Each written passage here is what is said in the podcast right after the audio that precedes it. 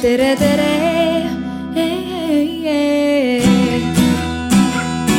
Eestimaa.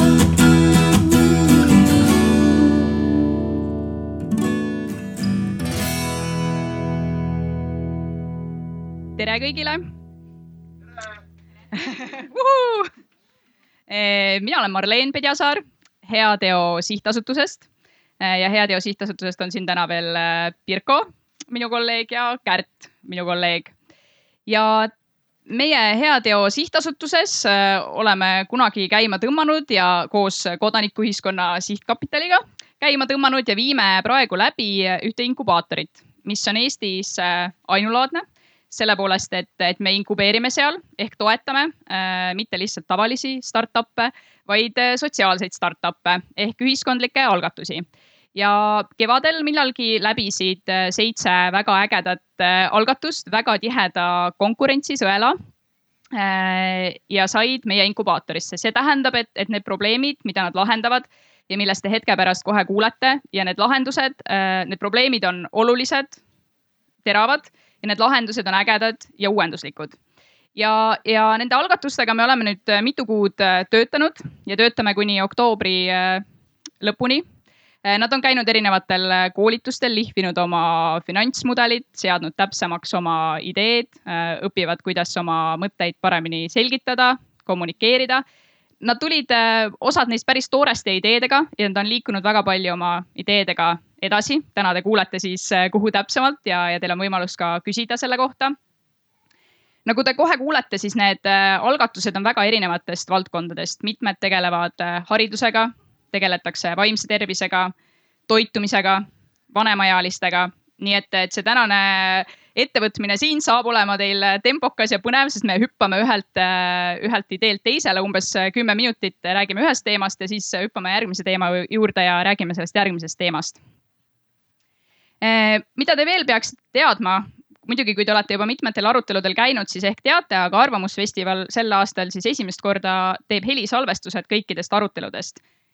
Ja nii ka meie arutelus siin see tähendab, et, et rääkida tuleks mikrofoni. küll meil on siin väike piirang, kuivõrd see mikrofon on juhtmega.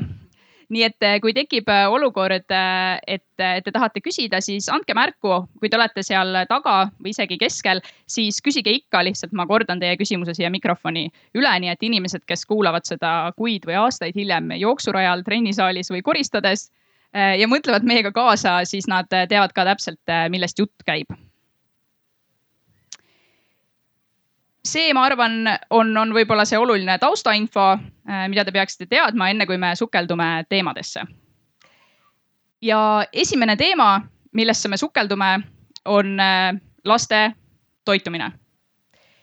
ja enne kui ma annan ekspertidele sõna, kes siis selle teemaga tegelenud on, uurinud on ja on, on ka lahenduse laste tervislikumaks toitumiseks välja mõelnud, siis ma küsin teilt ühe küsimuse ja nüüd ma lähenen kellelegi selle mikrofoniga või annan võimaluse küsida kelleltki tagareast ja ma lihtsalt hoiatan, et see ei ole viimane kord, kui ma seda teen.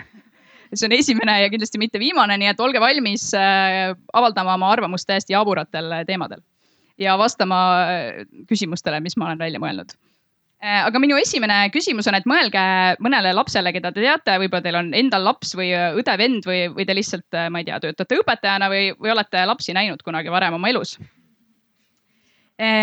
ja küsimus ongi väga lihtne, te olete istunud siia esimesse ritta, te ilmselt teate, mida see tähendab. eriti kui tegemist on juhtmega mikrofoniga. et mida lapsed armastavad süüa? Kas sa jagaksid oma mõtteid, kui te kõik mõtlete lapsed, söök, mis teil silme ette esimese asjana ujub, on ju, mis ühe lapse toidutaldrikul on? okei okay,, friikartulid ja viinerid, no hõigake veel. jäätis, makaronid ketšupiga, kummikommid, krõpsud, saiakesed, limps, pelmeenid, küpsised vaarikad. tuleb ka väike optimismi noot sisse. kas keegi on üritanud lastele ka midagi muud pakkuda? ja, kuidas sul läks see pakkumine? väga hästi. tuleb varakult hakata, siis harjuvad ära, et see on nagu selle konna keetmisega, et kui paned konna vette ja, ja hakkad keetma niimoodi järjest tõstad temperatuuri, siis konn ei tea välja hüpata, aga kui sa paned ta keevasse vette, siis ta hüppab kohe välja, et tundub, et laste ja tervisliku toitumisega on siis äh, sarnane paralleel. ma hoiatasin teid, eks ole, et neid ka need halvad naljad ei jää, ei jää viimaseks. Ehm, okei okay,, et, et sul tuli hästi välja, hakkasid varakult äh, harjutama, kas keegi veel on proovinud äh, lapsele midagi muud anda, mis ei ole pelmeenid ja kummikommid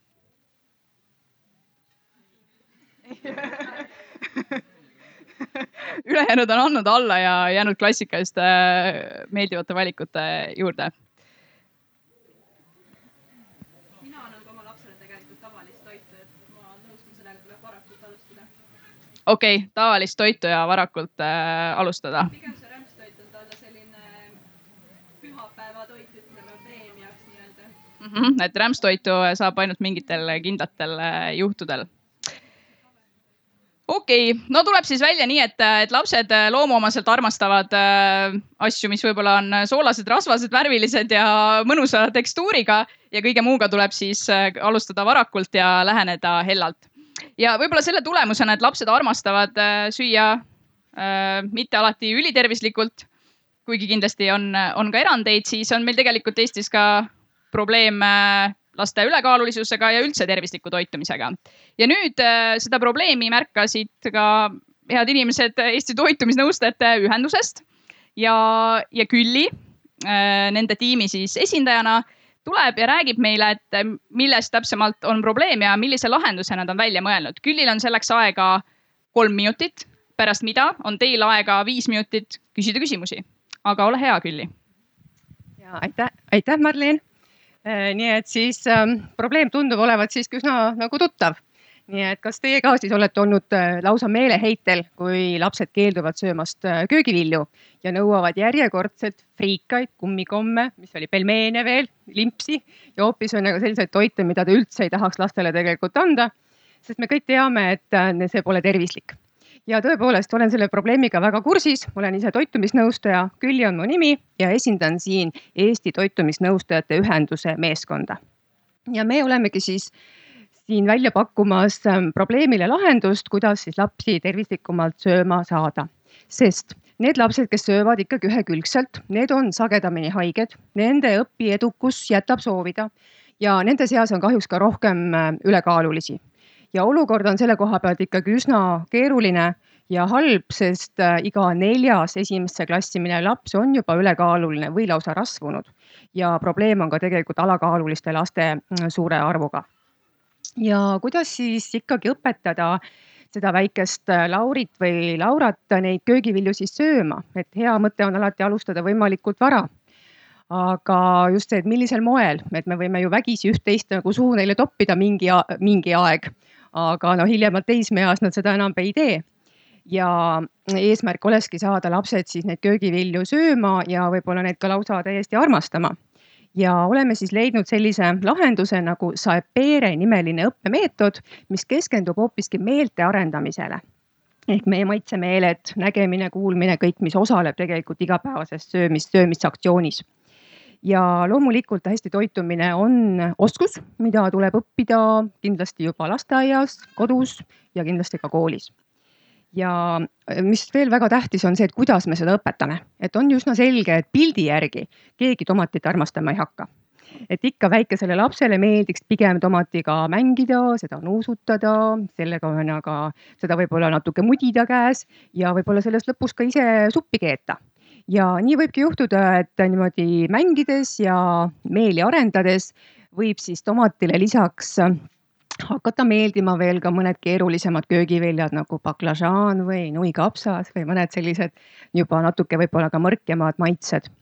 ja mm, väheneb just sellise uue maitse kartus sinna juurde ja kinnituseks ongi see, et seda Säpere meetodit on siis kasutatud juba üle kahekümne aasta nii Soomes Rootsis, Taanis kui ka paljudes teistes riikides.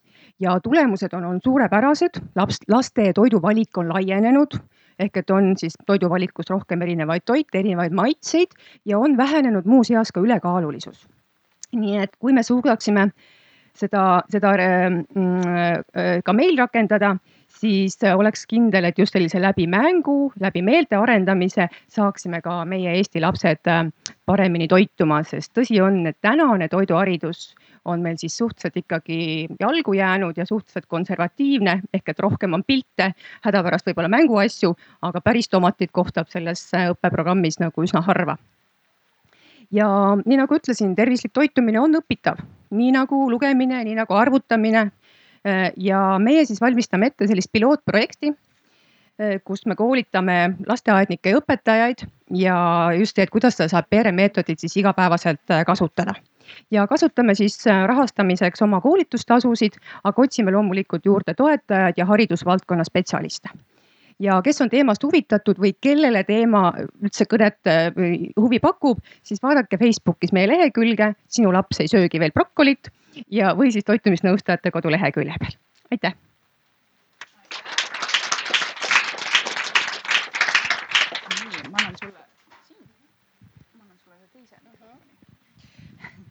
Hästi, äh, selline idee siis hakata ähm, pakkuma meeltepõhise õppe programmi esialgu siis lasteaedades. kui te nüüd seda mõtet kuulasite, kas tekkis mingeid küsimusi või kommentaare? Äh, tahate lihtsalt jagada oma mõtteid, täiendada kuidagimoodi, siis nüüd on selleks hea võimalus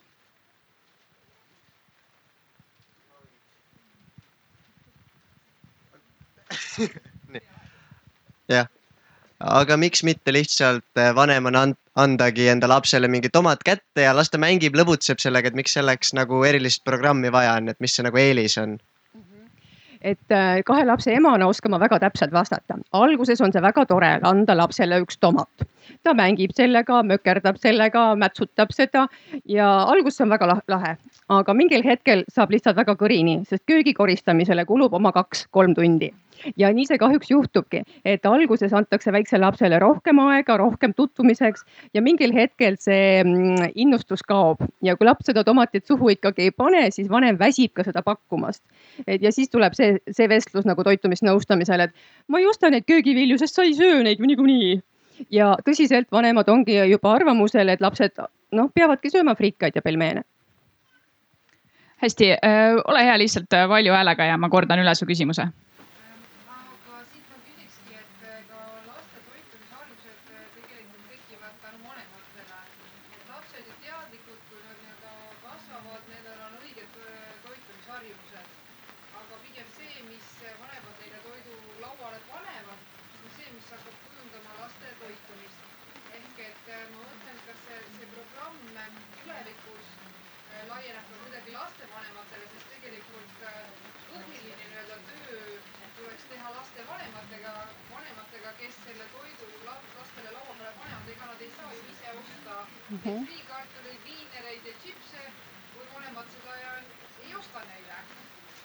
et kas programm laieneb ka lapsevanematele? väga hea küsimus. just see, et äh, see pall käib kogu aeg väravast väravasse. lasteaednikud ütlevad, et lapsed tulevad lasteaeda ja nende söömisharjumused on nii, nii üksluised ja nii kehvad. ja siis ütleb ühesõnaga kodu, et jah, just lasteaiast ühesõnaga tulevad lapsed need selle, selle harjumusega, et peale suppi peab olema alati magustoit. nii et siin on loomulikult äh, mm, ka selles projektis ja programmis on mõeldud nii lastevanematele kes siis ühesõnaga kaasatakse selle lasteaia või kooli programmiga kaasa ehk et eh, tehakse siis neid lapsevanema päevasid, kus lapsevanemad saavadki tulla ja osa siis sellest programmist, mida lastega siis kas lasteaias või koolis ka läbi viiakse. sest loomulikult ilma, ilma vanemata ei, ei õnnestu see.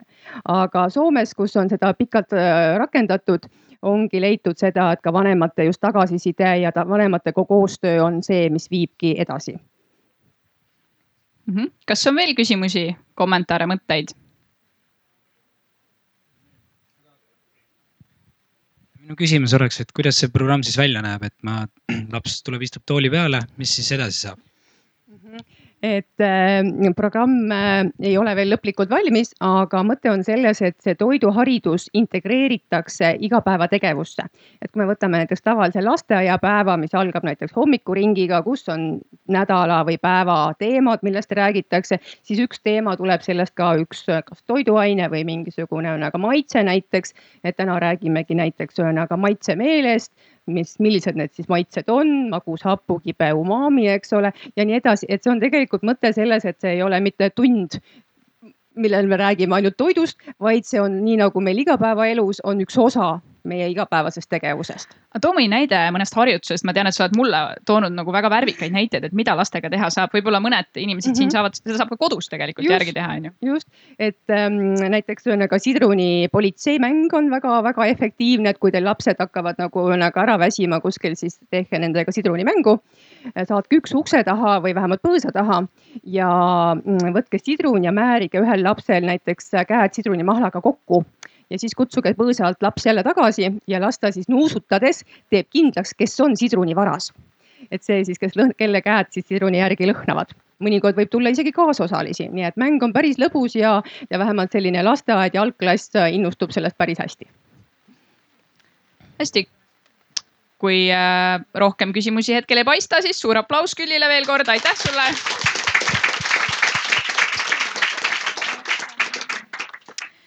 ja meie liigume oma mõtetega äh, ja, ja teema mõttes äh, klassijuhatajate juurde. kas tuleb silme ette, kes oli teie esimene klassijuhataja, kui paljud teist mäletavad oma esimest klassijuhatajat, andke käega märku. nii, ühiskondlik mõju on tuvastatud ilmselgelt kõik mäletavad oma esimest klassijuhatajat, kuigi sellest võib olla väga-väga pikk äh, aeg möödas. milline siis esimene klassijuhataja oli ka? seda ei julge keegi. stressis, palju tööd. mida? noor oli? tore. milline veel? karm, range. õiglane aktiivne või passiivne? okei okay., kellelgi kindlasti oli ka passiivne. universumis valitseb tasakaal teadupärast. okei okay., kas siin on keegi, kes on õpetaja? võite käega märku anda, kui on juhuslikult. kolm tükki. kas on keegi, kes on olnud kunagi õpetaja? ahaa, suurem hulk. kas on keegi, kes kunagi mõtleb minna õpetajaks? ma näen, et, et mõned on valmis minema teisele ringile kas on keegi, kes on olnud klassijuhataja ka? okei okay,, päris mitmed on olnud ka klassijuhatajad. kui te olite klassijuhatajad, mis teie tööülesannete hulka siis kuulus? võib-olla jagate mõnda mõtet seal, näiteks teie ja teie? ei meenu täpselt. meenub ikka, ma olin sellel ajal, kus veel pidi kodu külastama, tänapäeval vist enam ei pea kodu külastama. kodu külastamine, rääkisite pere, perega siis äh,, arutasite, et kuidas last toetada kõige paremini? okei okay. aga mis peaks kuuluma klassijuhataja ülesannete hulka? kõik teised nüüd saavad siis äh, anda suuniseid ja, ja tööülesandeid, et äh, mida peaks üks klassijuhataja tegema? suhtlema vanematega. mida? märkama. kõva häälega hõikama. ei kuule väga hästi. Mida veel? märkama, suhtlema vanematega, korras, midagi veel? teistele õpetajatele andma tagasisidet lapse kohta tundub loogiline. kas midagi veel? olema lapsele toeks, olema toeks, usaldus, suunama, motiveerima, klassiväline töö ja klassisisene töö. kas midagi veel? No sai juba päris muljetavaldav nimekiri, eks ole, et, et kui see töö intervjuul pannakse lauda, et siis äh, päris paljud võib-olla kohkuksid, aga mitte kõik. Näiteks meie järgmine esineja, kes on äh, äh, ise klassijuhataja.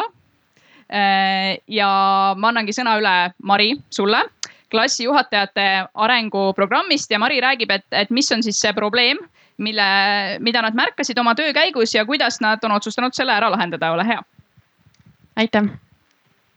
mina esindan siis klassijuhatajate arenguprogrammi, mille eesmärk on toetada klassijuhatajaid. mina olen Mari, ma olen ise üldhariduskoolis õpetaja ja ka klassijuhataja. Minu teisel õpetaja aastal tuli minu juurde kooli direktor, kes ütles, et äh, üheksandal klassil on vaja klassijuhatajat, et ma annan sulle pool tundi aega, mõtle välja ja ütle, kas sa tahaksid seda väljakutset vastu võtta. kuna klass oli tore ja väljakutse tundus huvitav ja ega ma ei ka väga öelda ei oska, siis saingi endale klassi, sain täiendavad volitused e-kooli ja kui aus olla, siis sellega suhteliselt see asi piirduski kõik, mida ma oma klassiga teha tahtsin, tule, tuli mul ise kokku otsida suurest infotulvast äh, ja mm, täide viia. Äh, mina nägin aga väga suurt potentsiaali äh, laste arengu toetamisel just klassijuhatajal. ja sellest sündiski algne idee klassijuhatajaid toetada. minu ideega liitus Krista, kes praeguseks on endine õpetaja, kuid ikka suur haridushuviline ja me küsitlesime ka teisi klassijuhatajaid, kes, äh, kelle käest me siis leidsime, et me ei ole äh, selle probleemiga üksi. Äh, aja jooksul ja nula toel sündiski siis meie idee klassijuhataja arenguprogrammist, mille eesmärk on pakkuda klassijuhatajale konkreetset tegevusplaani kogu õppeaasta vältel. sinna programmi kuuluks siis näiteks võtted, ideid, meetodid, kuidas klassist kujundada meeskonda, kuidas lapsevanematega kontakti luua, kuidas seda kontakti hoida, kuidas näiteks arenguvestlusi pidada äh, ja muud praktilist. oma programmis plaanime kasutada ka teisi haridusprogramme nii meilt kui mujalt, näiteks äh, Mindvalley või School of Life, Kiva, Vaikuse minutid ja nii edasi programmi rahastamiseks pakuksime seda koolidele koolitusteenusena. Ehm, me leiame, et äh, see programm äh, lihtsustaks kõvasti klassijuhatajate tööd, äh, muudaks klassijuhataja töö kvaliteetsemaks ning mis kõige olulisem, me toetaks meie lapsi nende arengus meie lähiajalised eesmärgid on hetkel kaardistada veel klassijuhatajate vajadusi laiemalt leida väga kirglikke ja kogenuid klassijuhatajaid üle Eesti, kes on nende asjadega kokku puutunud ja kes saaksid meile veel mõtteid, ideid vahendada, et äh, oma programmi siis tervikuna kokku panna. Äh, ja see olekski kõik ja kes on huvilised, kutsun üles mõtteid vahetama ja kaasa rääkima, aitäh. aitäh.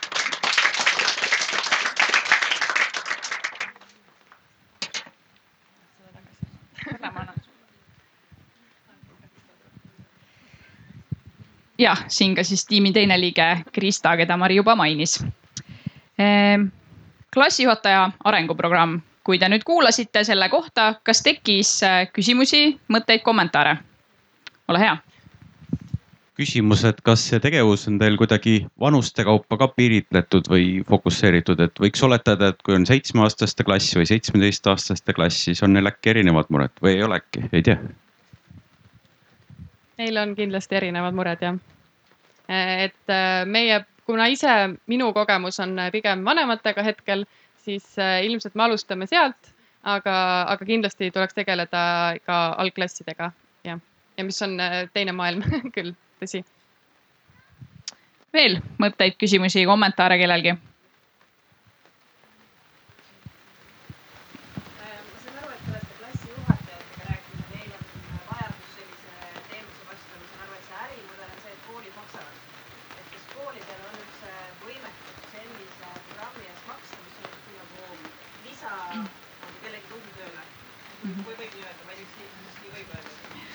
Küsimus on siis ärimudeli kohta, et, et see eeldab, et koolid maksaksid ja küsimus oli, et kas koolidel on üldse võimekus maksta? Äh, ma võib-olla vastan siinkohal ise, et koolidel on eelarves ette nähtud äh, raha oma õpetajate täiendkoolituseks et äh, ma siin vaatan näiteks Triinu otsa, kes siin ka müüb ühte teenust koolidele, ilmselt võib kinnitada, et, et, et on koolidel äh, raha selliseks tegevuseks ette nähtud. loomulikult koolide olukorrad on erinevad, et kui on mingisugune kahekümne õpilasega väike maakool, siis need rahastamisvõimalused on natukene teised võrreldes mingite väga suurte linnakoolidega. Aga, aga jah, see, see ei ole midagi sellist, et äh, et koolid nüüd vaataks meile otsa ja küsiks, et hulluks olete läinud või et kust me selle raha võtame. ei no väljakutse oleks muidugi meile ka see, et oleks toetajaid ja et see oleks võimalikult odav ja kättesaadav, et Jaa. aga see on ka asi, millega me peame kindlasti väga palju veel tegelema. et kui keegi tahab meile raha anda, siis me kindlasti ei ütle, et pole vaja.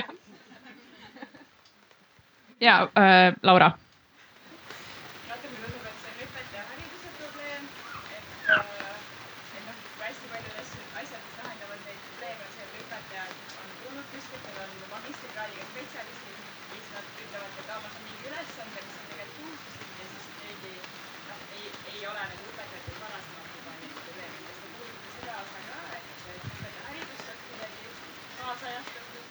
Et tundub, et probleemi üks kese on ka õpetaja hariduses ja küsimus oli, et kas te puudutate kuidagi ka õpetaja haridust? Äh, mina natukene olen uurinud seda, et, äh, et kas ülikoolides otseselt sellist nii-öelda klassijuhataja õpetust tehakse, et on eraldi ähm, ähm, siis eriala, mida ülikoolis saab õppida, on, on klassiõpetaja, aga vot need ongi need pisikeste õpetajad. aga otseselt, kui sa lähed näiteks füüsikaõpetajaks õppima, siis ega sind keegi seal klassijuhatajaks ei õpeta. loomulikult räägitakse mingitest üldpädevuste arendamisest, aga, aga otseselt, et mis need klassijuhataja rollid on äh, äh, mida klassijuhataja veel saaks teha, mingeid meetodeid, tehnikaid, seda tegelikult hetkel ülikoolis äh, väga ei tehta. Et kas me tahaksime, tahaksime ikka tahaksime ja. aga jah, et äh, see oleks võib-olla ka äh, väljakutse tulevik. meil oli veel üks küsimus siin keskel. tegelikult sama küsimus, see peaks olema üks kohustuslik osa juba haridussüsteemil. õpetaja haridust puudutav. see, ma nii palju veel lisan, et äh, uuringutest on tegelikult seda ka välja tulnud ja välja toodud, et, et võib-olla ülikoolides võiks sellele osale õpetajate tööst suuremat rõhku panna. Nagu te kui klassiõpetaja on, ütleme algklasside kuni kuues, eks ole, siis on ju selge, et ülejäänud klassid vajavad ju ka klassijuhatajat. tänases koolisüsteemis on olemas klassijuhataja. kust nad siis tulevad? ja nagu ka publik tõi ju väga palju erinevaid ülesandeid välja, mida klassijuhataja kõik tegelikult tegema peab ja milleks ta võiks olla ka ju siis pädev ja teadlik. on veel kellelgi soovi kõneleda? Kui mitte, siis äh, suur aitäh, veel kord suur aplaus ja jõudu.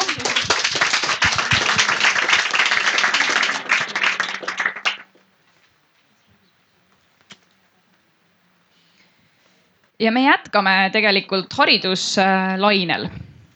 ja olukord koolides on selline, et õpetajal on päris palju õpilasi ühes klassis, kellega ta tegelema peab ja neil õpilastel on erinevad äh, vajadused mõnigi saab keskenduda siis, kui ta saab samal ajal pinginaabrit äh, togida, mõnele meeldib arutada paarilisega asju kogu aeg, mõni tahab äh, kirjutada, mõni tahab näha.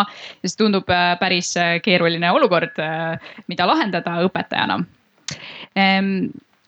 kas ma võin teilt küsida midagi? palun öelge jaa, sest muidu ma ei tea, kuidas edasi minna. kas te käite veel koolis? mis klassis te käite? Okei okay,, kümme, üksteist klass. et äh, ma ei tea, kas teil on olnud sellist olukorda, et, et keegi segab tundi kunagi?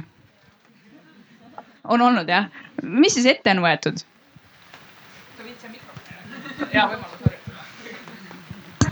õpetaja käratab.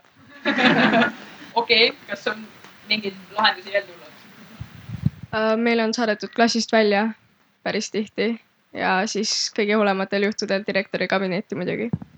Õpetaja läheb ise ka klassist välja. tundub hea lahendus ähm,. miks te arvate, miks nad on tundi seganud? igav on. igav jah, okei okay. selge. see, see juhe oli seal kinni ehm, okei okay,, aga küsimus sulle, Mari, kui klassijuhatajale, et kui sina nüüd äh, klassijuhatajana märkad, et, et keegi õudselt noh, niheleb, on ju, raske on keskenduda äh, tunnist tundi, et äh, ja sa tunned, et noh, oleks mingit abi oleks vaja, kelle või mille poole sa siis pöördud? Või kas üldse?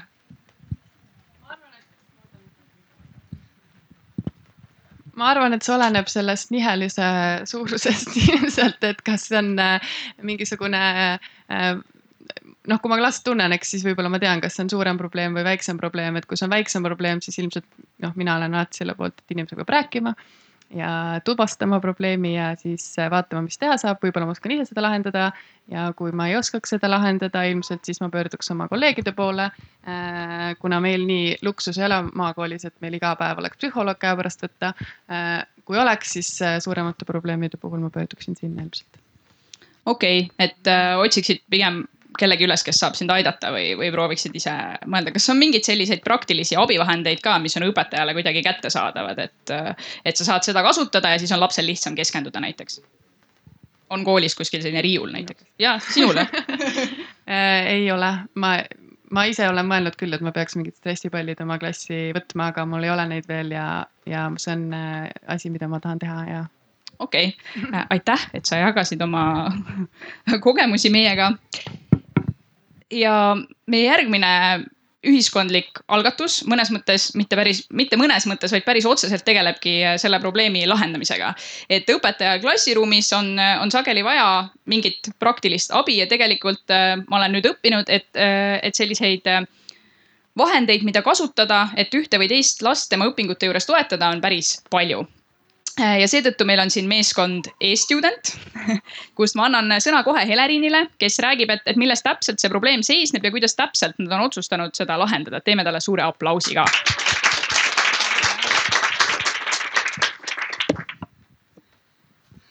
tere, ähm, mina olen Helerin ja ma olen eripedagoog ja ma esindan täna e-studenti tiimi, mu tiim on siin äh, kivi juures, et saate lehvitada ja, ja seal taga ka veel on tiimiliige e-studenti tiim on tulnud kokku, et, et lahendada võrdsete võimaluste tagamist hariduses.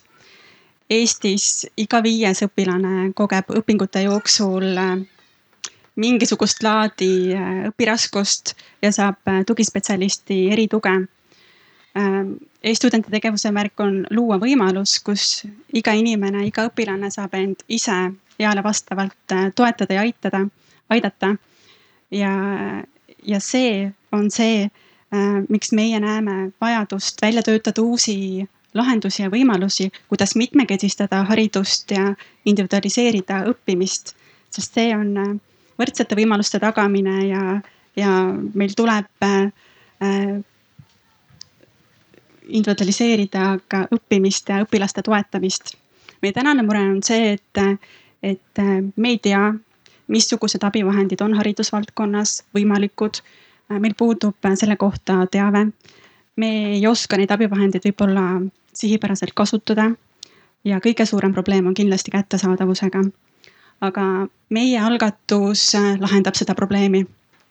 me muudame haridusliku erivajaduse jaoks välja mõeldud abivahendid kättesaadavaks ja, ja, ja koondame neid ühte kohta, kust äh, saab inimesed äh, infot. selleks me töötame välja kodulehe, kust lapsevanem, pedagoog, kes iganes leiab siis lapse raskuste kohta küsimustele vastates sobilikke tooteid, kuidas, kuidas aidata last selle raskuse kompenseerimisel. ma võin siinkohal tuua mõned näited. näiteks äh, me teame, et, äh, et kui lapsel on düsleksia, see lugemisraskus, siis tegelikult aitab teda, kui ta kasutaks lugemiskile.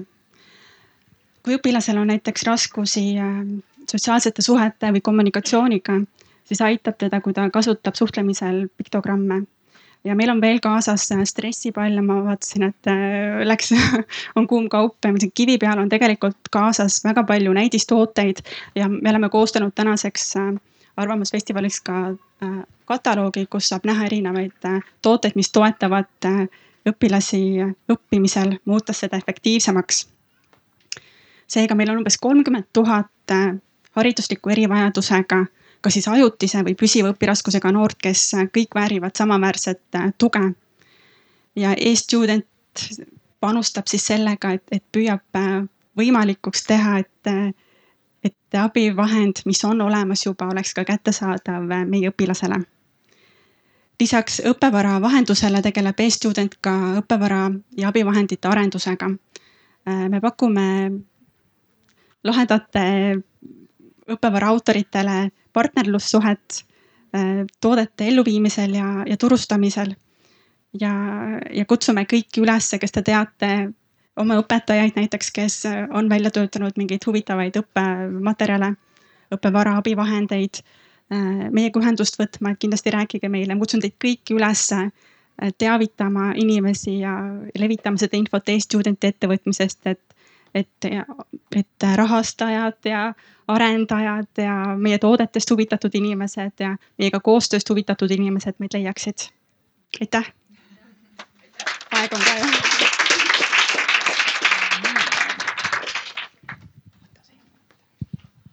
aitäh sulle.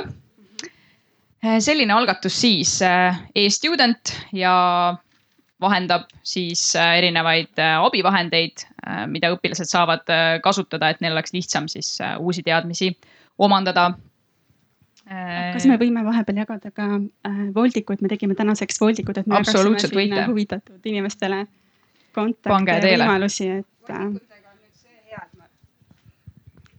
tere, mina olen Marliin, üks siis meeskonna liikmetest ja voldikutega nüüd see teema, et äh, natuke loovust ehk siis äh, loete ühtepidi ära, siis keerate teistpidi ja loete edasi noh, esimene kord tahtsid midagi öelda, Pirko? tahtsin küsida, et te võiksite mõnda asja näidata, et olen siin kivi juures, aga näidake. tooge välja kivi tagant äh, need vahendid, millest jutt on. kataloog, kataloog aga ja neid vahendeid on tõesti väga erinevaid, mõned on väga lihtsad ja mõned on sellised suuremad ja, ja keerulisemad, mida kasutada. kuna ma oleks nagunii küsinud neilt äh, mõnda näidet, siis koos visuaaliga on kindlasti parem.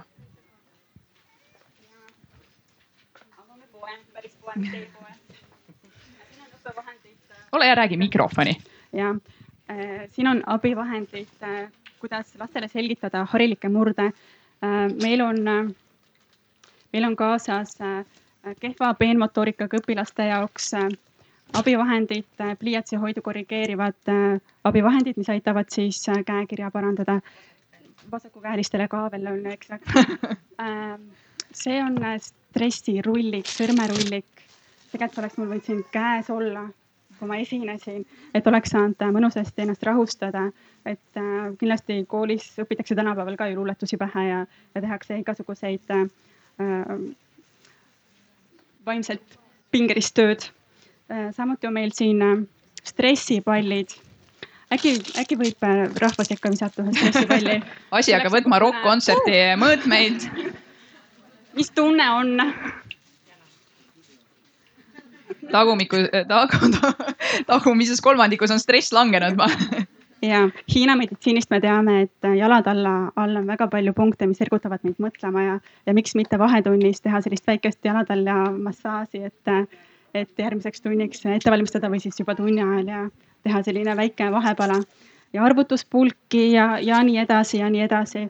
et tulge, me oleme siinsamas, saate pärast meiega lähemalt rääkida ja, ja täpselt nii, et e-studenti tiim on siin selle arutelu lõpuni kenasti olemas ja pärast on võimalik neilt veel jah, kõike seda lähemalt uurida. aga kas, jah, kas, kas kellelgi tekkis mõni küsimus või kommentaar, ole hea. Te ütlesite, et teie eesmärk on muuta need vahendid kättesaadavaks. aga kas ette teete kodulehe, mis on siis, kuhu te need tooted panete, koondate nii-öelda e-poeks kokku, see ei tee neid ju kättesaadavaks veel. kuidas te selle lahendate? Ja äh, siin on mitmeid võimalusi. see on meie ettevõtmise või meie algatuse juures üks väga suur probleempunkt, et, et kes on tegelikult klient äh,. klient on ju tegelikult tarbija, on ju see õpilane, õpilasel raha ei ole, siis äh, kes ostab, ema ostab äh, me kuidagi jah, me nagu väga soovime, et, et igas koolis oleks, see on meie unistus, et igas koolis oleks selline üks riiul igas klassis on ju, miks me ei või unistada, kus äh, õpilane siis saab ja oskab ennast ise aidata ja ta valib sealt äh, selle abivahendi, mis, äh, mis teda aitaks. et see eeldaks loomulikult riigi ja, ja hariduspoliitika toetust, et see on see valdkond, millega meil tuleb nagu lobitööd teha ja et see käiks ka nagu kaasamise juurde. ja, ähm, ja võtame kõigepealt teie küsimuse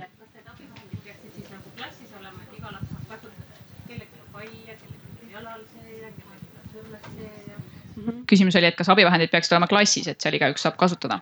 ja Äh, kuna mudimine aitabki just paremini keskenduda raamatu lugemisel näiteks, et, et kui mul, et ma ei, et ma ei torgiks enda pinginaabrit, ma mudin pigem enda pallikest või, või muud äh, stressi maandavat vahendit. et ilmselgelt ja, aga loomulikult see peab äh, olema kooskõlas ja, ja, ja metoodika peab toetama abivahendite kasutamist. et metoodika on väga tähtis. absoluutselt, jah. Mari, sul oli ka küsimus okei okay,, et üks õpetaja on, on vähemalt valmis ostma teie toodet. jah.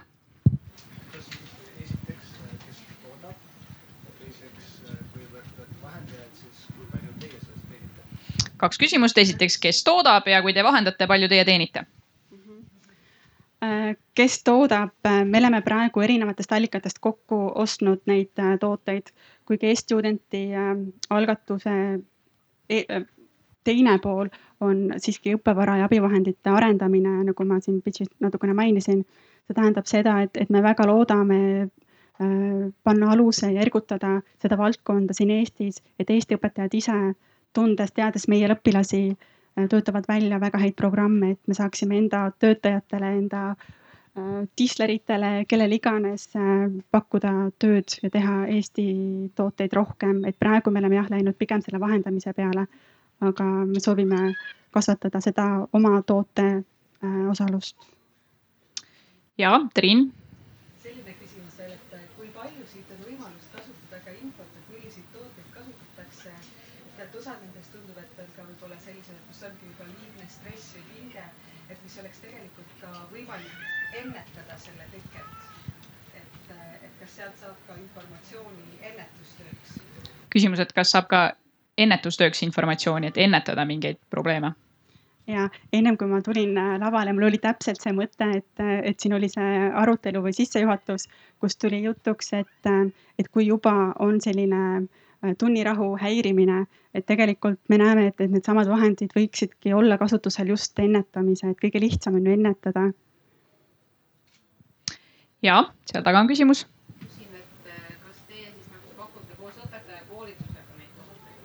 kas koos õpetajakoolitusega pakute tooteid? täna veel mitte, et meil ei ole selleks äh, ressursse.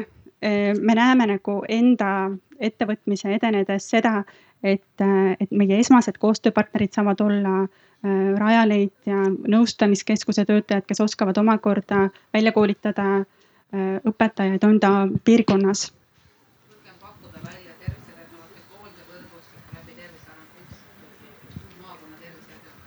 Ja väga lahe, aitäh selle idee eest. -hmm üks asi selle küsimuse täienduseks oleks veel see, et me ei müü lihtsalt toodet, et meie idee selle juures on ka see, et me loome sinna juurde nii-öelda tutvustava bukleti.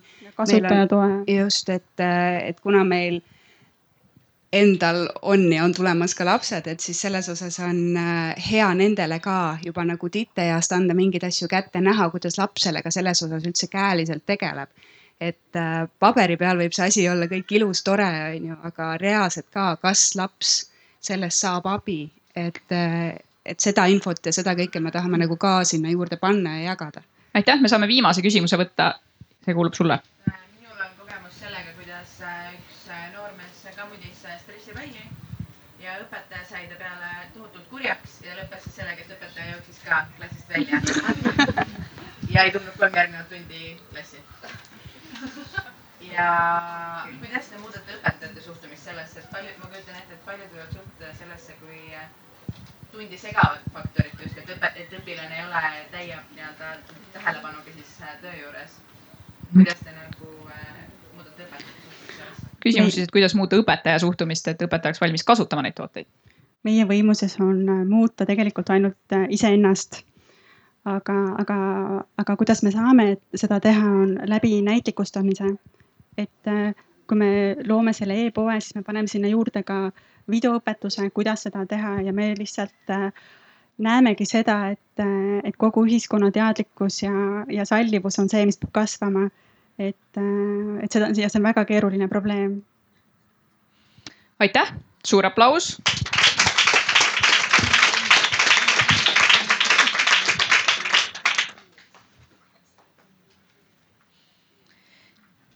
kolm algatust kuulatud, neli veel kuulata. Asjad siis ta, tagasi tuua kivi juurde. me liigume edasi vanemaealiste teemaga, täpsemalt siis vanemaealised tööturul ja tegin natukene kodutööd, guugeldasin, vaatasin, mis uuringuid sel teemal on tehtud.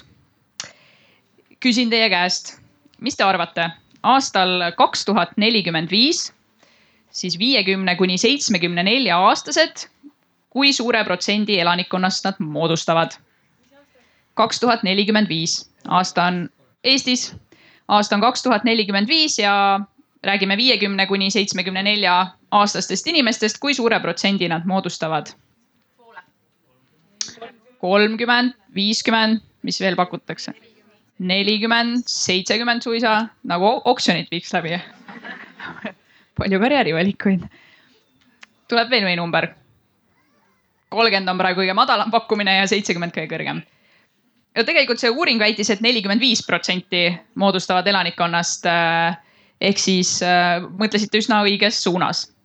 ja, ja samal ajal äh, siis mingi teine uuring, mis läbi viidi, uuriti organisatsioonide juhtide käest, et kuidas nad näevad seda, seda teemat, et võib-olla vanemaealised nende ettevõttes või organisatsioonis ja seitsekümmend seitse protsenti väitis, et, et nad ei, ei arva, et lähiajal vanemaealiste osakaal nende kollektiivis tõuseb.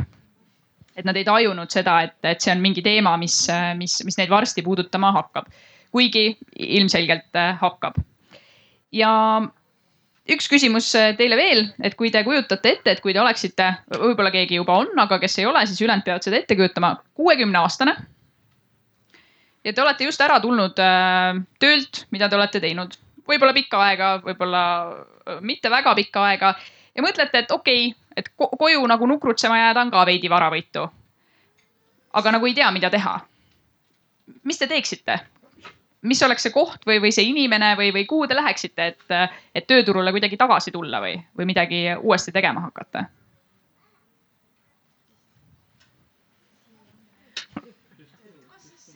Töötukassasse, okei okay., tundub äh, loogiline koht. kes kuhu veel läheks? õppima hoopis ja õpiks mingi uue ameti selgeks. mis veel? okei okay,, et lapsed äkki on ju tulevad mingi hea pakkumisega. tundub loogiline. mis veel keegi teeks? ettevõtjaks.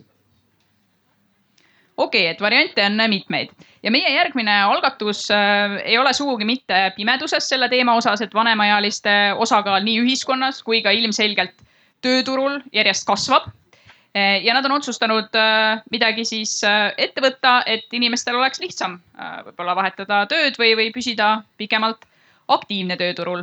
ja ma palun siia Anna-Liisa meie algatusest Seniorship, teeme talle julgustava aplausi.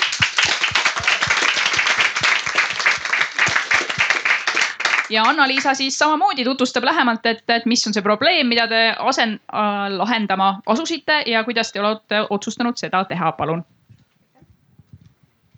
tere, mina olen Anna-Liisa ja ma räägin teile täna, kuidas vanemaealised tagasi tööturule tuua. Äh, ma plaanisin nüüd küll alustada väikse statistikaga, aga Marleen võttis täpselt minu faktid ära, aga ma kordan sellegipoolest üle. jah, need olid korrektsed selles mõttes. ühesõnaga aastal tuhat üheksasada kaheksakümmend moodustasid inimesed vanuses viiskümmend pluss meie ühiskonnas kakskümmend seitse protsenti. tänaseks on see number tõusnud neljakümne protsendini ja aastaks kaks tuhat nelikümmend moodustab see vanusegrupp peaaegu poole meie rahvastikust. ja vanemaealiste tervis on üha parem ja eluiga pikem ja seoses sellega on muutunud ka nende vajadused ja suutlikkus.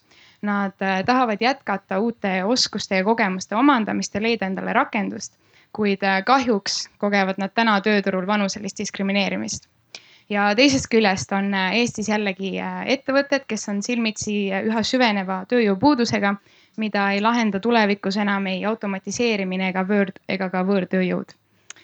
vanemaealised on äh, täna Eestis kasutamata ressurss, keda ühiskondlik surve juba vanuses nelikümmend viis pluss hakkab tööturult välja tõrjuma. ja meie tahame, et Eesti seda ressurssi kasutama ja väärtustama hakkaks. ja selles seisnebki meie lahendus. Seniorship saadab vanemaealised ettevõtetesse praktikale meie platvormil saavad kokku siis äh, ettevõtted ja äh, praktikandid ja meie registreerimisvormi abil on äh, võimalik lihtsalt ja mõjusalt välja tuua oma oskused ja tugevused praktikant läheb siis seejärel ettevõttesse kolme kuni kuu kuu pikkusele praktikale, mille käigus omandab ta tööpõhise õppe läbi kõik tööks vajalikud omadused ja teadmised. Ja praktika edukal lõppemisel saab praktikandist täiskohaga töötaja meie ise oleme selles protsessis aktiivsed vahendajad ja me võtame vahendustasu kuulutustelt, mis ettevõte meie veebiplatvormile üles paneb. meie tiimi äh, kompetentside hulka kuuluvad äh, ettevõtlus, äriarendus ja turundus ja meil on kogemust äh, nii startup'ide kui korporatsioonide äri arendamisega ja meid kõiki ühendab samuti veel see, et me tahame komp oma kompetentsid üle tuua valdkonda, kus on võimalik ka reaalset ühiskondlikku mõju tekitada ja lisaks sellele oleme tegemas ka väikest viisi regionaalpoliitikat, äh, kuna meie tiimi kuuluvad äh, Seto, Saarlane ja Narvakas. me oleme hetkel töötamas koos äh, ettevõtetega, kellel on tööjõupuudust just kliendi toe ja teeninduse valdkondades, kuna nendes valdkondades on siis tööjõupuudus konkurentsitult suurim. ja me oleme septembris lansseerimas oma pilootprojekti, mille käigus lähevad siis esimesed praktikandid ettevõtetesse oma seeniorpraktikat tegema ja meie piloodiga on liitunud sellised ettevõtted nagu G4S, TPD, äh, AS Hoolekandeteenused, Eesti Kaubandus- ja Tööstuskoda, äh, LMP advokaadibüroo ja teised. ja meil on praegu käimas konkurss kõigile, tähendab konkurss siis praktikakohtadele kõigis mainitud ettevõtetes ja nende hulka kuuluvad siis sellised positsioonid nagu äh, projektiassistent Äh, tehnik, äh, büroo juht, häirejuhtimisspetsialist, äh, tegevusjuht ja paljud muud. nii et kõik kuulajad, kellel on juba natuke elukogemust, olete julgelt oodatud kandideerima ja kõik töökuulutused on siis üleval meie Facebooki lehel Seniorship. aitäh.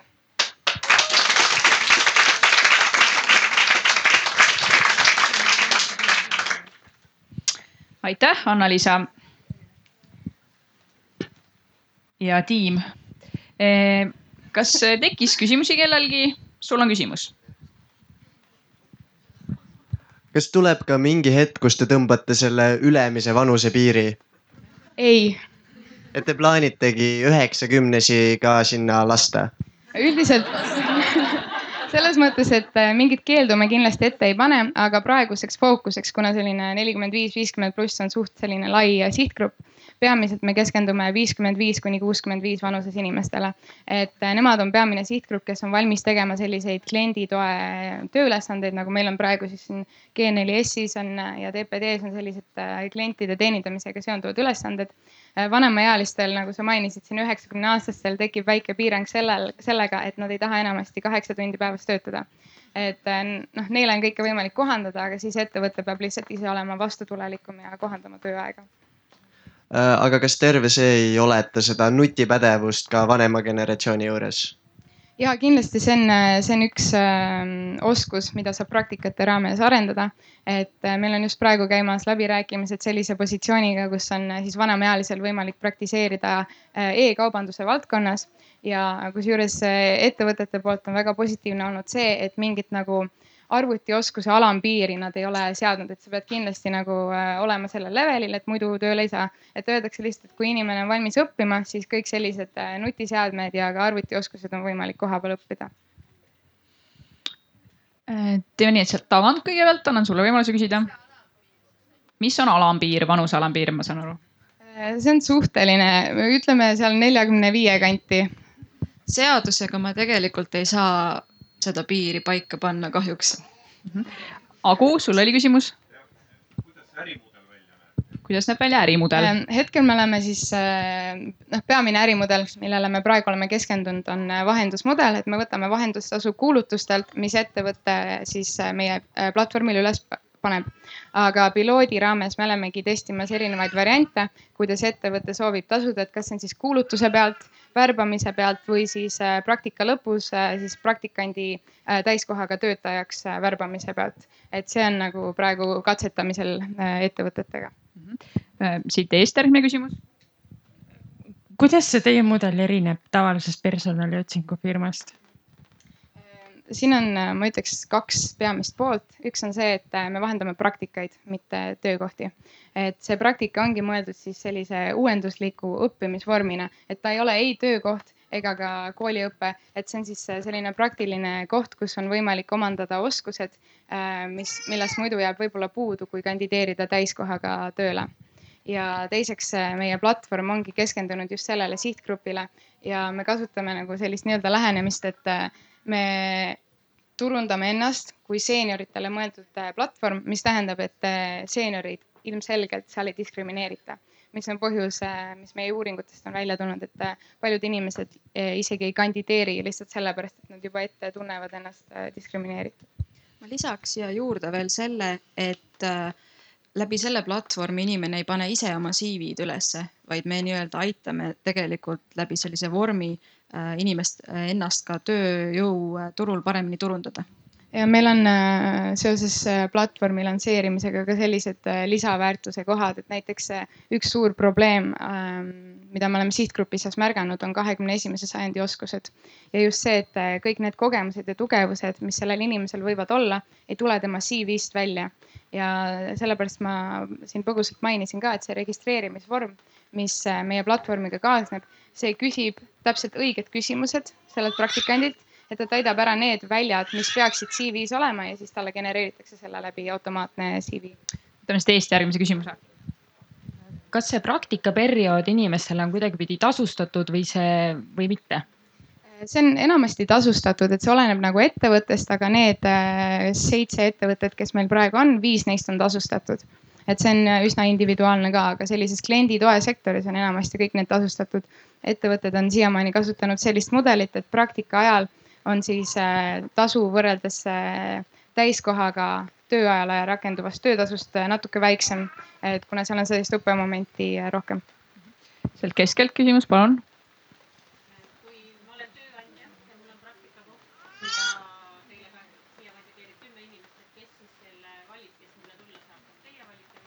kui on palju kandidaate, kes valib, kes saab selle praktikakoha? Äh, ettevõte valib, äh, üldiselt äh, praegu selline katsetamise raames me oleme teinud niimoodi, et meie kogume lihtsalt CV-d kokku ja turundame siis neid pakkumisi oma kanalites, aga valiku teeb ettevõte aga see, kuidas see lõpuks siis välja kujuneb, ilmselt tuleb nagu meie pilootprojekti käigus saame ka rohkem teadmist selles osas, et kas meie peaks seal vahel ka võtma mingid sammud enda kanda. kas oli Triin?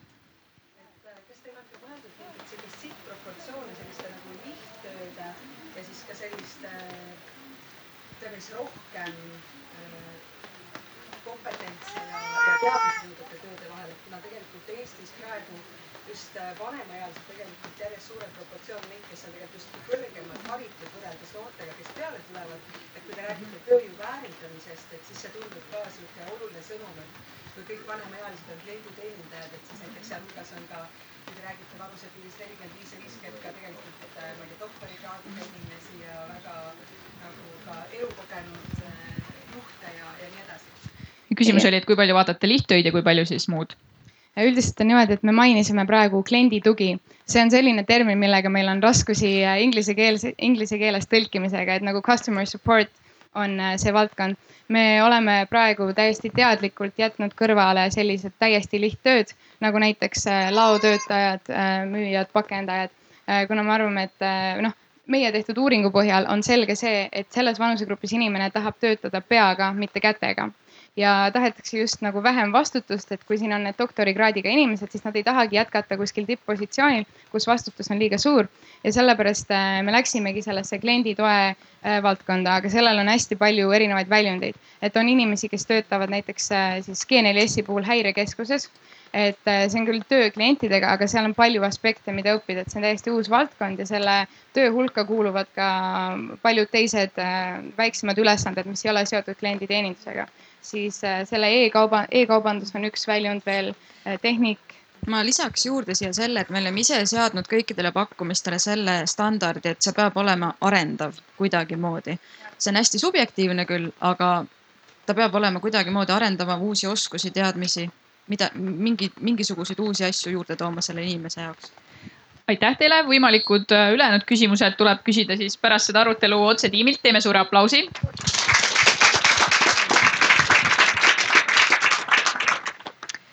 Ja me liigume edasi jälle järgmisse valdkonda ja nagu ikka, siis mul on teile kõigepealt üks küsimus.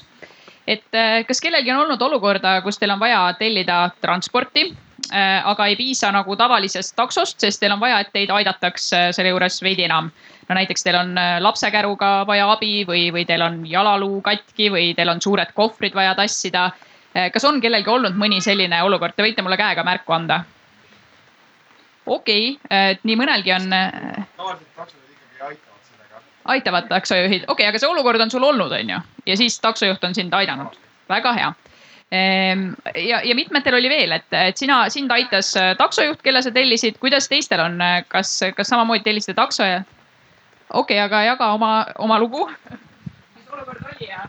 no ma tellisin takso ja tahtsin lennujaama saada, laps oli ühes käes ja kaks kohvrit teises ja taksojuht kohvriga aitab, aga sealt edasi nagu vanker on juba üleliigne mure ja vanker kokku ja lahti on vaja panna veel, siis kui sa üksi reisid, siis on keeruline, ma ütleks. okei okay,, ja sul ei läinud nii edukalt, et ei, ei saanud äh, piisavalt abi. kas keegi soovib veel jagada, kuidas teie olukord lahenes? ei soovi, siis üks huvitav äh, mõttekild teile veel, et Eestis on äh, sada viiskümmend tuhat erivajadusega inimest ja nendest paljud vajavad äh, assisteerimist äh, igapäevastes toimingutes ja sealhulgas see võib olla takso peale jõudmine ja takso pealt näiteks maha liikumine.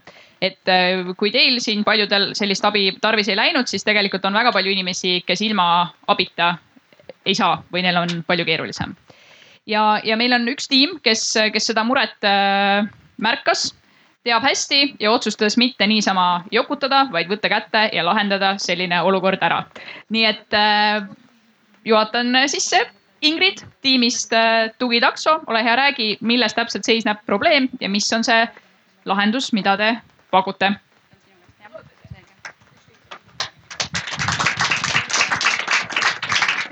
tere. Ähm, meie peres kasvab erivajadusega laps ja muuhulgas on temal ka liikumispuue. ja meie mehega tegeleme igapäevaselt selliste küsimustega, et äh, kes viib lapse kooli, sealt edasi logopeedi juurde ja mis juhtub üldse siis, kui me mõlemad juhtume töö juures äh, hõivatud olema. Äh, me kasutame osaliselt selleks riiklikku teenust, meil on ka riigipoolne teenus, aga paratamatult see ei suuda lahendada kõiki vajadusi. sellega kaasneb alati koormav bürokraatia ja ühepäevase etteteatamistega muudatustest äh, ei ole mõtet rääkida, need ei, ei teostu. ehk siis äh, sealt tekkiski tugitakso idee äh,. kasutada ära taksot, millega me ise väga operatiivselt igapäevaselt saame liikuda. et taksoteenus on tänapäeval väga lihtsasti kättesaadav läbi äpi eelkõige ähm, ja selleks aga, et sellega saaks liikuda erivajadusega inimene, vajab ta individuaalset tuge et äh, näited tõid välja, et äh, meil kõigil võib mingil ajal olla vaja seda, seda tuge. et äh, kui me ise saame lihtsamini sellega hakkama, ehk siis tassime ka ise oma kohvrit ja avame ise ka lapsevankrit, siis meile on näidanud testperiood, et erivajadusega inimesed jäävad tegelikult hätta, et on pimedaid inimesi juhtkoeraga, keda ei võeta auto peale, sellepärast et taksojuht ei nõustu võtma koera peale. ja on näiteid, kus siis sellise ilmaga ratastool on on liiga porine. ehk siis äh, me võime kõik vajada mingi hetk äh, sellist tuge, aga, aga erivajadusega inimesed on siin äh, nõrgemas positsioonis. me läksime oma tiimiga taksorakenduste juurde ja tegelikult me saime teada samamoodi, et ega on, on olemas väga palju abivalmid inime-, abivalmis inimesi taksojuhtide seas ja, ja saime teada ka seda, et, et taksorakendused ja taksoettevõtted on ise sellise asja peale mõelnud, aga ühel või teisel põhjusel ei ole nad äh, sellega midagi ette võtnud, et esimese asjana seostub neile see, et neil läheb vaja äh, suurt äh, parki autosid, mis kõik peavad olema tõstukiga, aga tegelikult erivajadusega inimesi on erinevaid ja, ja see tugi on ka erinev. ja äh, Hope Taxi on selline taksorakendus, kes on meile julgelt meiega kaasa astumas ja me oleme nendega koostööd tegemas. Nende abil on siis hetkel välja valimas äh, Äh, suur, suure südamega taksojuhti, kes on, on, on valmis panustama ja me saadame need taksojuhid juba, juba peagi koolitusele, et nad just julgeksid ja, ja nad oskaksid erinevaid erivajadusega inimesi abistada. ja muidugi siis see kättesaadavus, et täiendamisel on äpp, et sa saaksid sisestada sinna äppi siis oma isiklikud vajadused, kas selleks on siis kohvri tassimine või on selleks äh, äh, ratastool, mis vajab äh, tõstmist autosse. aga sama hästi ka see taksojuht tuleb sulle näiteks kolmandale korrusele vastu, abistab sind treppidel, abistab sind autosse ja, ja abistab sind samamoodi ka sihtkohas, et kas sa pead siis minema kooli äh,, kinno, arsti juurde, et äh, neid vajadusi on erinevaid ehk siis tegelikult täiesti lihtne idee, aga see lihtsustabki neid samu tuhandete perede logistikaplaane, mida peab igapäevaselt sättima, see annab erivajadustega inimestele juurde iseseisvust, eh, leevendab eh, perede, perede koormust. jah, aitäh!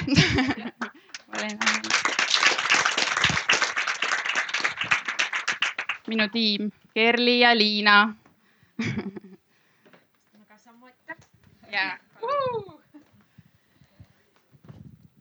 kas tekkis kellelgi küsimusi, kommentaare? ohoo, nii, aga võtame sealt tagant hoopis, anname teile sõna kõigepealt.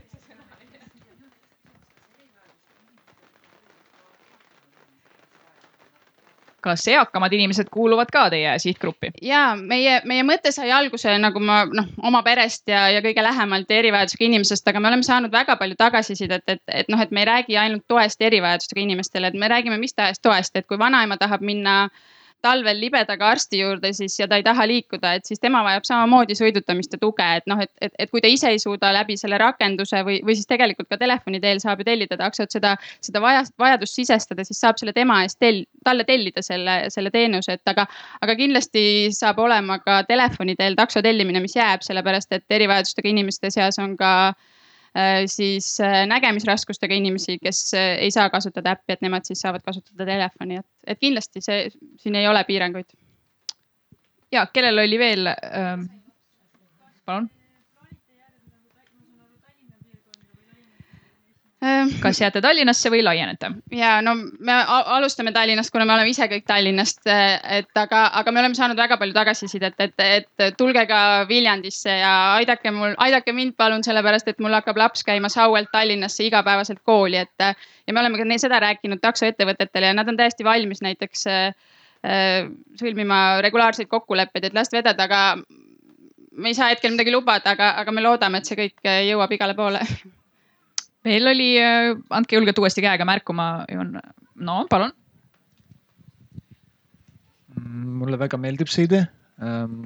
tahtsin küsida, et kuivõrd äh, taksojuhil äh, tõenäoliselt on rohkem siis äh, vaja oma aega panustada, oma jõudu siis kuivõrd palju kallim on selline teenus mm -hmm. ja kes selle eest maksab samuti mm? -hmm. et äh, alustame siis äh, otsast, küsimused, et äh, see nõuab kindlasti rohkem aega ja on olnud ka taksojuhtide ja ettevõtete, taksoettevõtete nagu tagasiside, et kui, kui taksojuht hakkab äh, abistama äh, erivajadusega inimest või siis ühesõnaga ta teeb sõite, mis, kus vajatakse rohkem tuge, siis kindlasti talle peab alles jääma ka need sõidud, mis toimuvad operatiivselt ja, ja ta ei pea sellist lisatuge osutama. see hoiab teda motiveeritult ja muidugi see toob tema leiva lauale kindlasti selline usaldusteenuse toetav teenus äh, maksab rohkem. Et äh, meie eesmärk on, et äh, nii-öelda hinnastatakse ära selle toe osa ehk siis sellele sõidule lisanduks äh, siis ka see tasu toe eest, ehk siis see teeb tegelikult selle sõidu kallimaks, kui sa tavaäpi kaudu tellid, et ma sõidan tööle kolme euro eest, noh et see teeb selle, selle sõidu kallimaks, et, et siinkohal ongi tegelikult äh, üleskutse, et kui me töötame selle nimel, et, et, et toetada ka selliseid sihtgruppe, kes ei suuda selliste sõitude eest ise maksta, et, et igasugune toetus on, on teretulnud. Ja, aga tuues ikkagi välja ka need taksorakendused, kes on nõus aitama, et seesama Hope Taxi on ise nõus toetama, nemad on tegelikult meid läbi Heateo Sihtasutuse ise üles otsinud, et nad tahavad äh, ka heategevust toetada ja teha head. et ka nemad on näiteks valmis toetama teatud sihtgrupi sõite oli veel küsimusi, andke märku, kui oli. ja palun.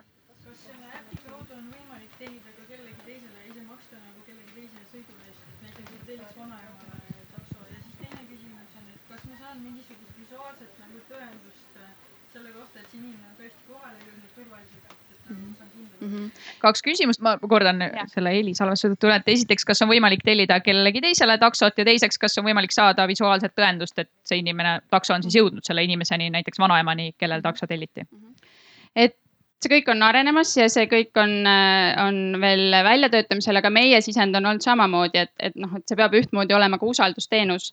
et, et kui ma ka panen sinna takso peale oma lapse ja saadan ta kooli, et siis ma tahan ka saada tagasisidet, et ta nüüd, nüüd jõudis garderoobi ja nüüd on, noh, nüüd on autos, nüüd on garderoobis, eks, et. et see on kindlasti olnud meie sisend, et, et see nüüd sõltub siis konkreetselt rakendusest või meie koostööpartnerist, et kes see, kuidas on võimalik see arendamine, et aga, aga see on kindlasti olnud meie sisend ja teistele tellimine, ma arvan, et see on ka tänapäeval juba võimalik iseenesest taksorakenduse kaudu, et see ei ole piirang. meil ruumi üheks küsimuseks veel, kui kellelgi on kui mitte, siis suure, jah, okei okay, küll. koertel eraldi rakendust ei ole, aga. koeraga reisijatele. aga, aga ka siin oli kohe meie koostööpartneril nagu, meie koostööpartner oli nagu valmis leidma lahendusi, et see, see see ei pea olema, et iga auto on valmis taksot või et iga auto on valmis koera või lem, muud lemmiklooma peale võtma, aga et saab korraldada, et, et mõned sõidukid on varustatud tekkidega või et, et, et vastavalt sellele siis kes kuidas autot hoiab. aitäh teile, suur aplaus veel kord. aitäh, aitäh.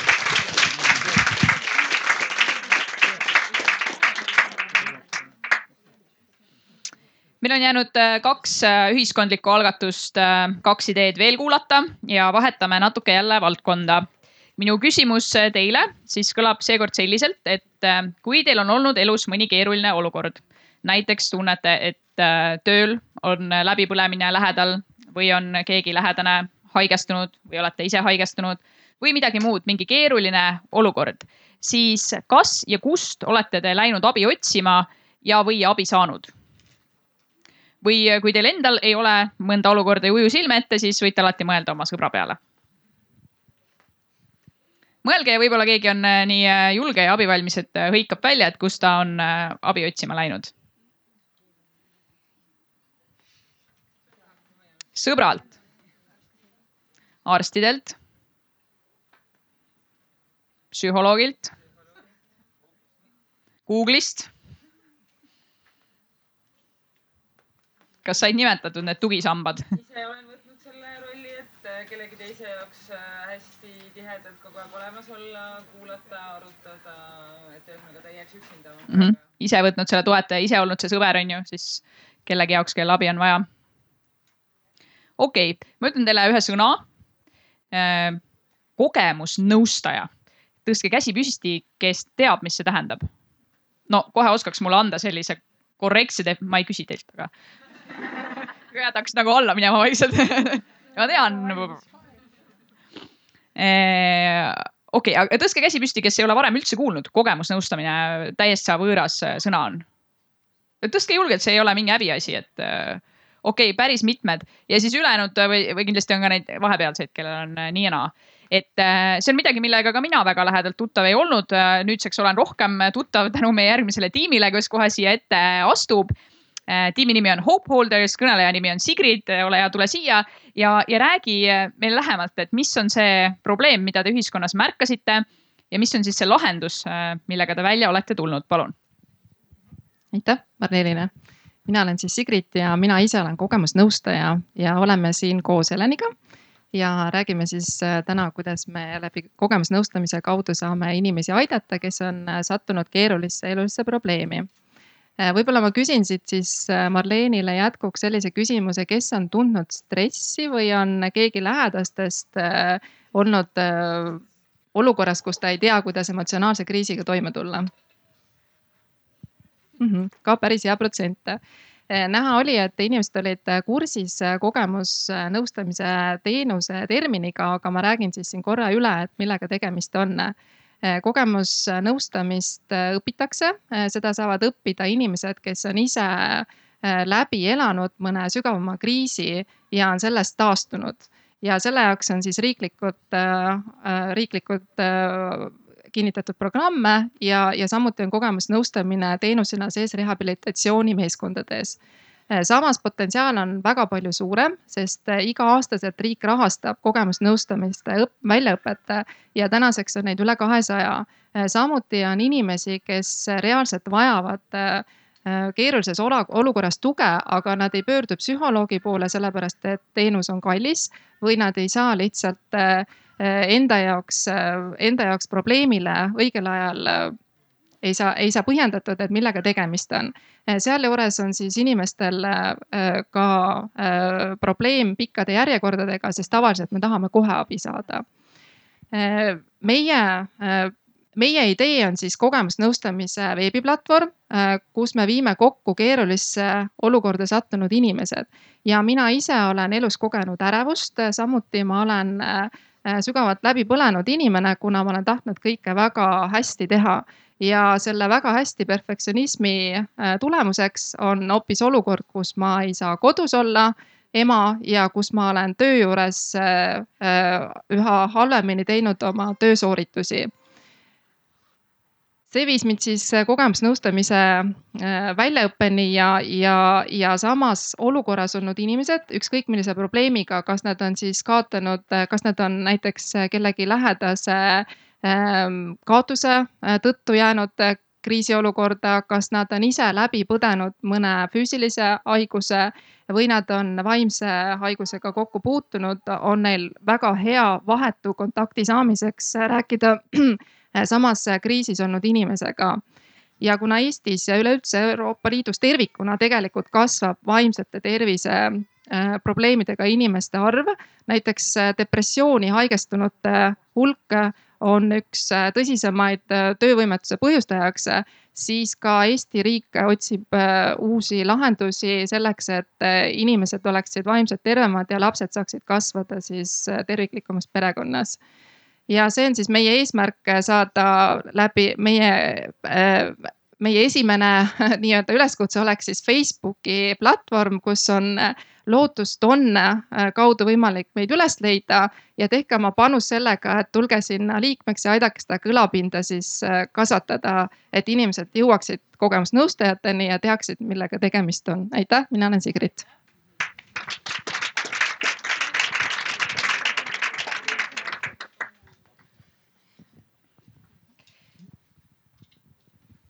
Käte Meri.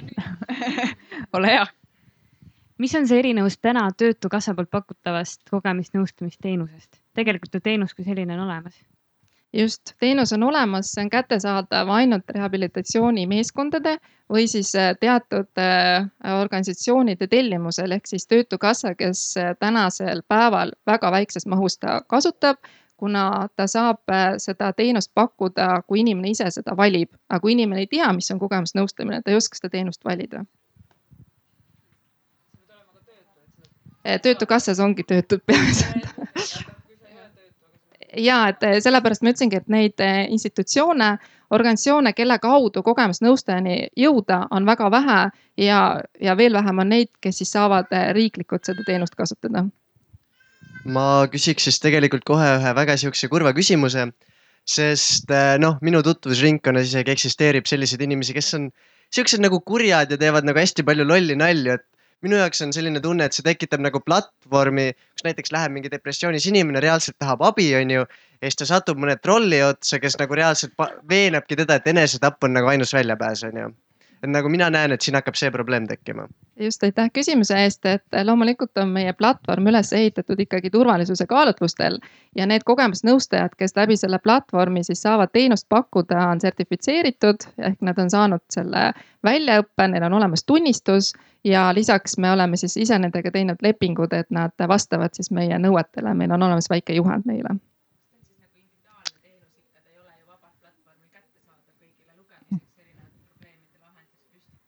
see ei ole vaba platvorm, vaid see on konkreetselt.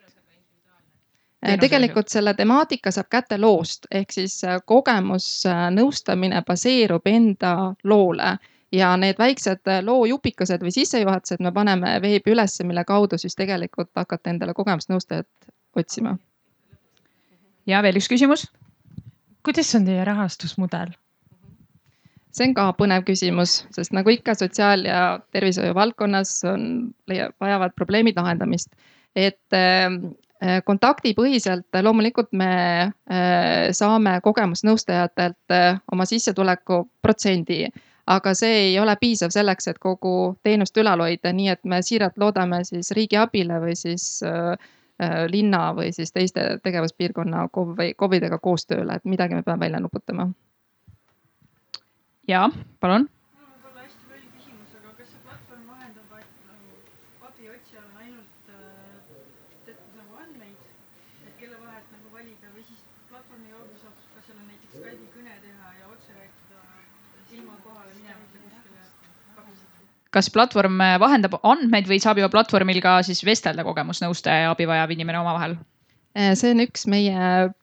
peamisi äh, erisusi, et meie kaudu saab seda abi siis Skype vahendusel. kui te leiate endale kogemusnõustaja, siis ei ole vahet, kas te olete geograafiliselt Pärnus või Viljandis äh,. selle saabki läbi Skype vestluse siis pidada ja see ahel, kuidas siis äh, abisaaja ja kogemusnõustaja omavahel kokku saavad, äh, äh, seda me siis juhime enda poolt, et administratsioon on meie poolt siis olemas. Ja palun. küsimus on selles, kas selles kogemusnõustajal on siis olemas ka mingi meditsiiniline background, et millal ta saab aru, kas see juhtum patsiendiga on, kui hull see on kas see on mingi tugev depressioon juba või see on äh, algses etapis või see on lihtsalt sihuke masendus ja stress ja kas ta saab aru seda ka läbi Skype'i kõne. et kas see on reaalselt nagu kiiresti vaja noh reageerida selle juhtumile mingi arsti juurde saata või psühhiaatri juurde või siis kogemusnõustaja, kui noh, kvaliteetset teenust ta siis lõpus pakub ja aitäh küsimuse eest. kogemusnõustajate väljaõppes on äh, selle peale mõeldud ja öeldud, et kui te vähegi tunnete, et teil käib üle jõu äh, selle kliendiga kontakt, siis nad alati võivad seda klienti suunata edasi, kas siis psühholoogi või kellegi teise juurde, kes antud kriisiolukorras saaks teda paremini aidata. Et kogemusnõustaja tegutseb siis ainult enda nii-öelda ampluaa ulatuses ja ta ei, ta ei lähe nagu sellest üle. kui on, siis üheks küsimuseks on meil veel ruumi kui mitte, siis aitäh, aplaus Sigridile.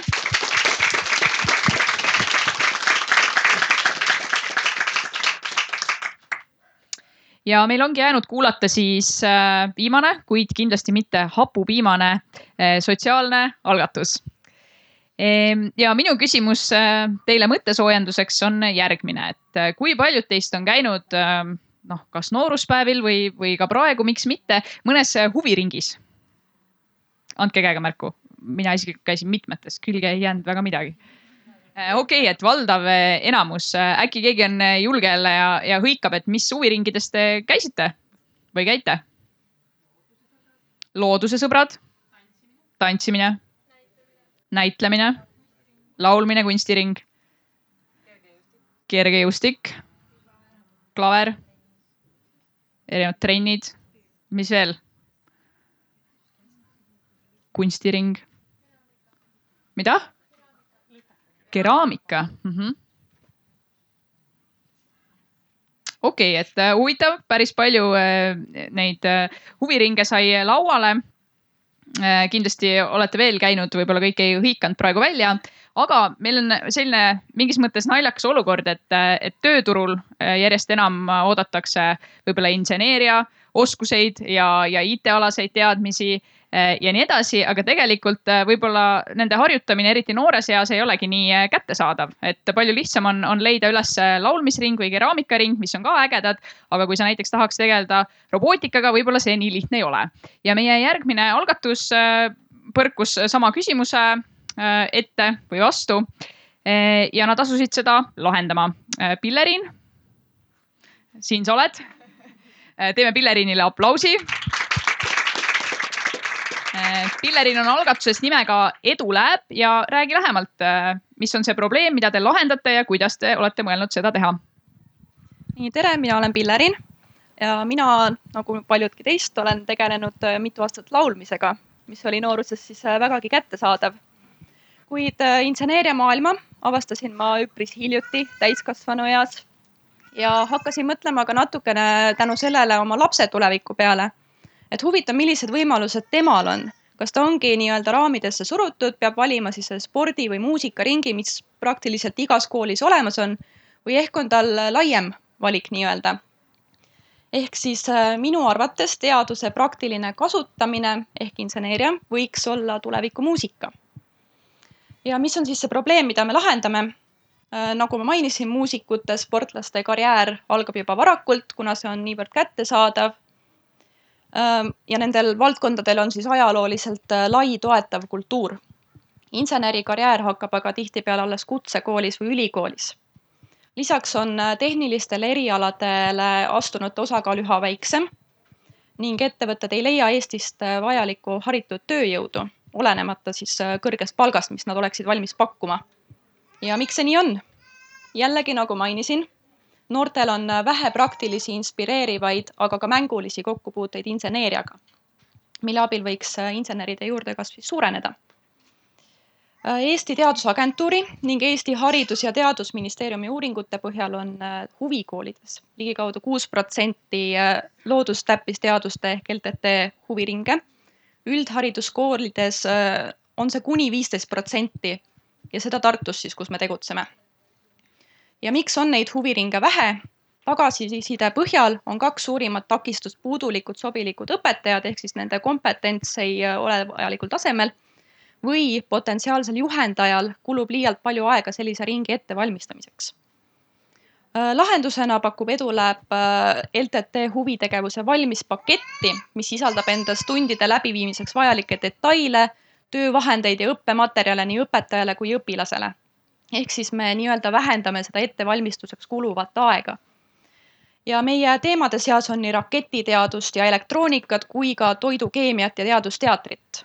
noored saavad enda valmistatud leiutised koju kaasa, mis on üks väga oluline aspekt.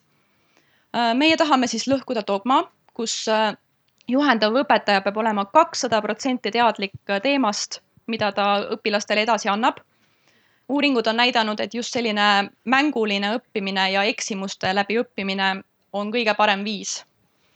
ja soovime, et juhendaja, kelleks võib olla ka näiteks abiturient või entusiastlik lapsevanem, saaks koos noortega vigasid teha ja ühiselt lahendusi otsida. meie eeldus ei ole, et igast huviringis osalenust saaks insener tulevikus. ent meil on antud lihtsalt võimalus tekitada huvi, esmane huvi ja laiem maailmapilt praeguse seisuga oleme komplektidega käivitanud uued leidurite huviringid Rannus ja Luunjas ja sügisest äh, plaanime käima lükata ka Saku noortekeskuse inseneeriaringi. Äh, meie meeskond koosneb endistest ja praegustest teadushuviringide läbiviijatest, sealhulgas Rakett kuuekümne üheksas osalenutest, kes panustavad oma leidlike ideedega. lisaks on meeskonnas elektroonika, mehaanikainsener, disainer ning turundusmüügijuht ning äh, igapäevaselt töötab meie meeskond äh, Tartus Spark Maker Labis, mis on äh, inseneeria ettevõtluskallakuga noorte ja huvikeskus. ning kui kahtlete täiskomplekti tellimises, siis saame lihtsalt äh, alati korraldada neidistunni kõikjal üle Eesti. võib ühendust võtta. aitäh.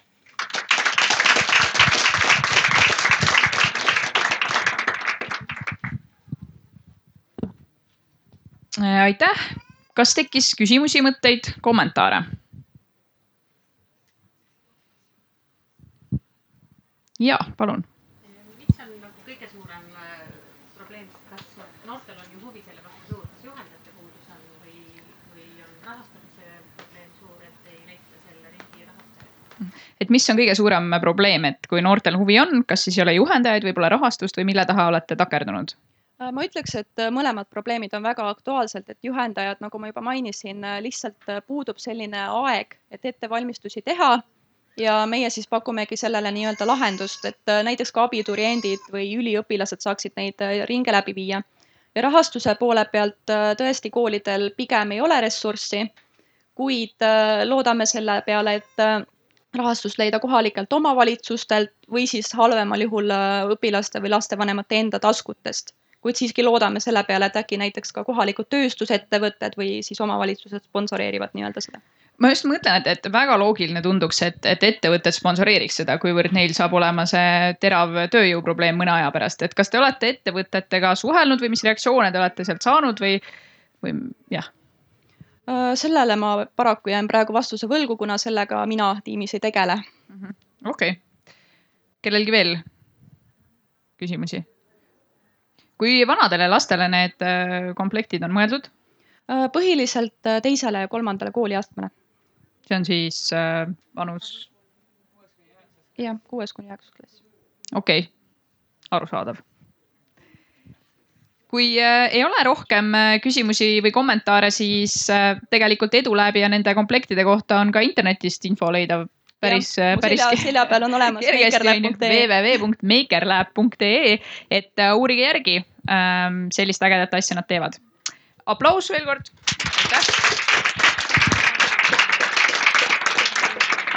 Kell saab umbes ühe minuti pärast üheksateist kolmkümmend.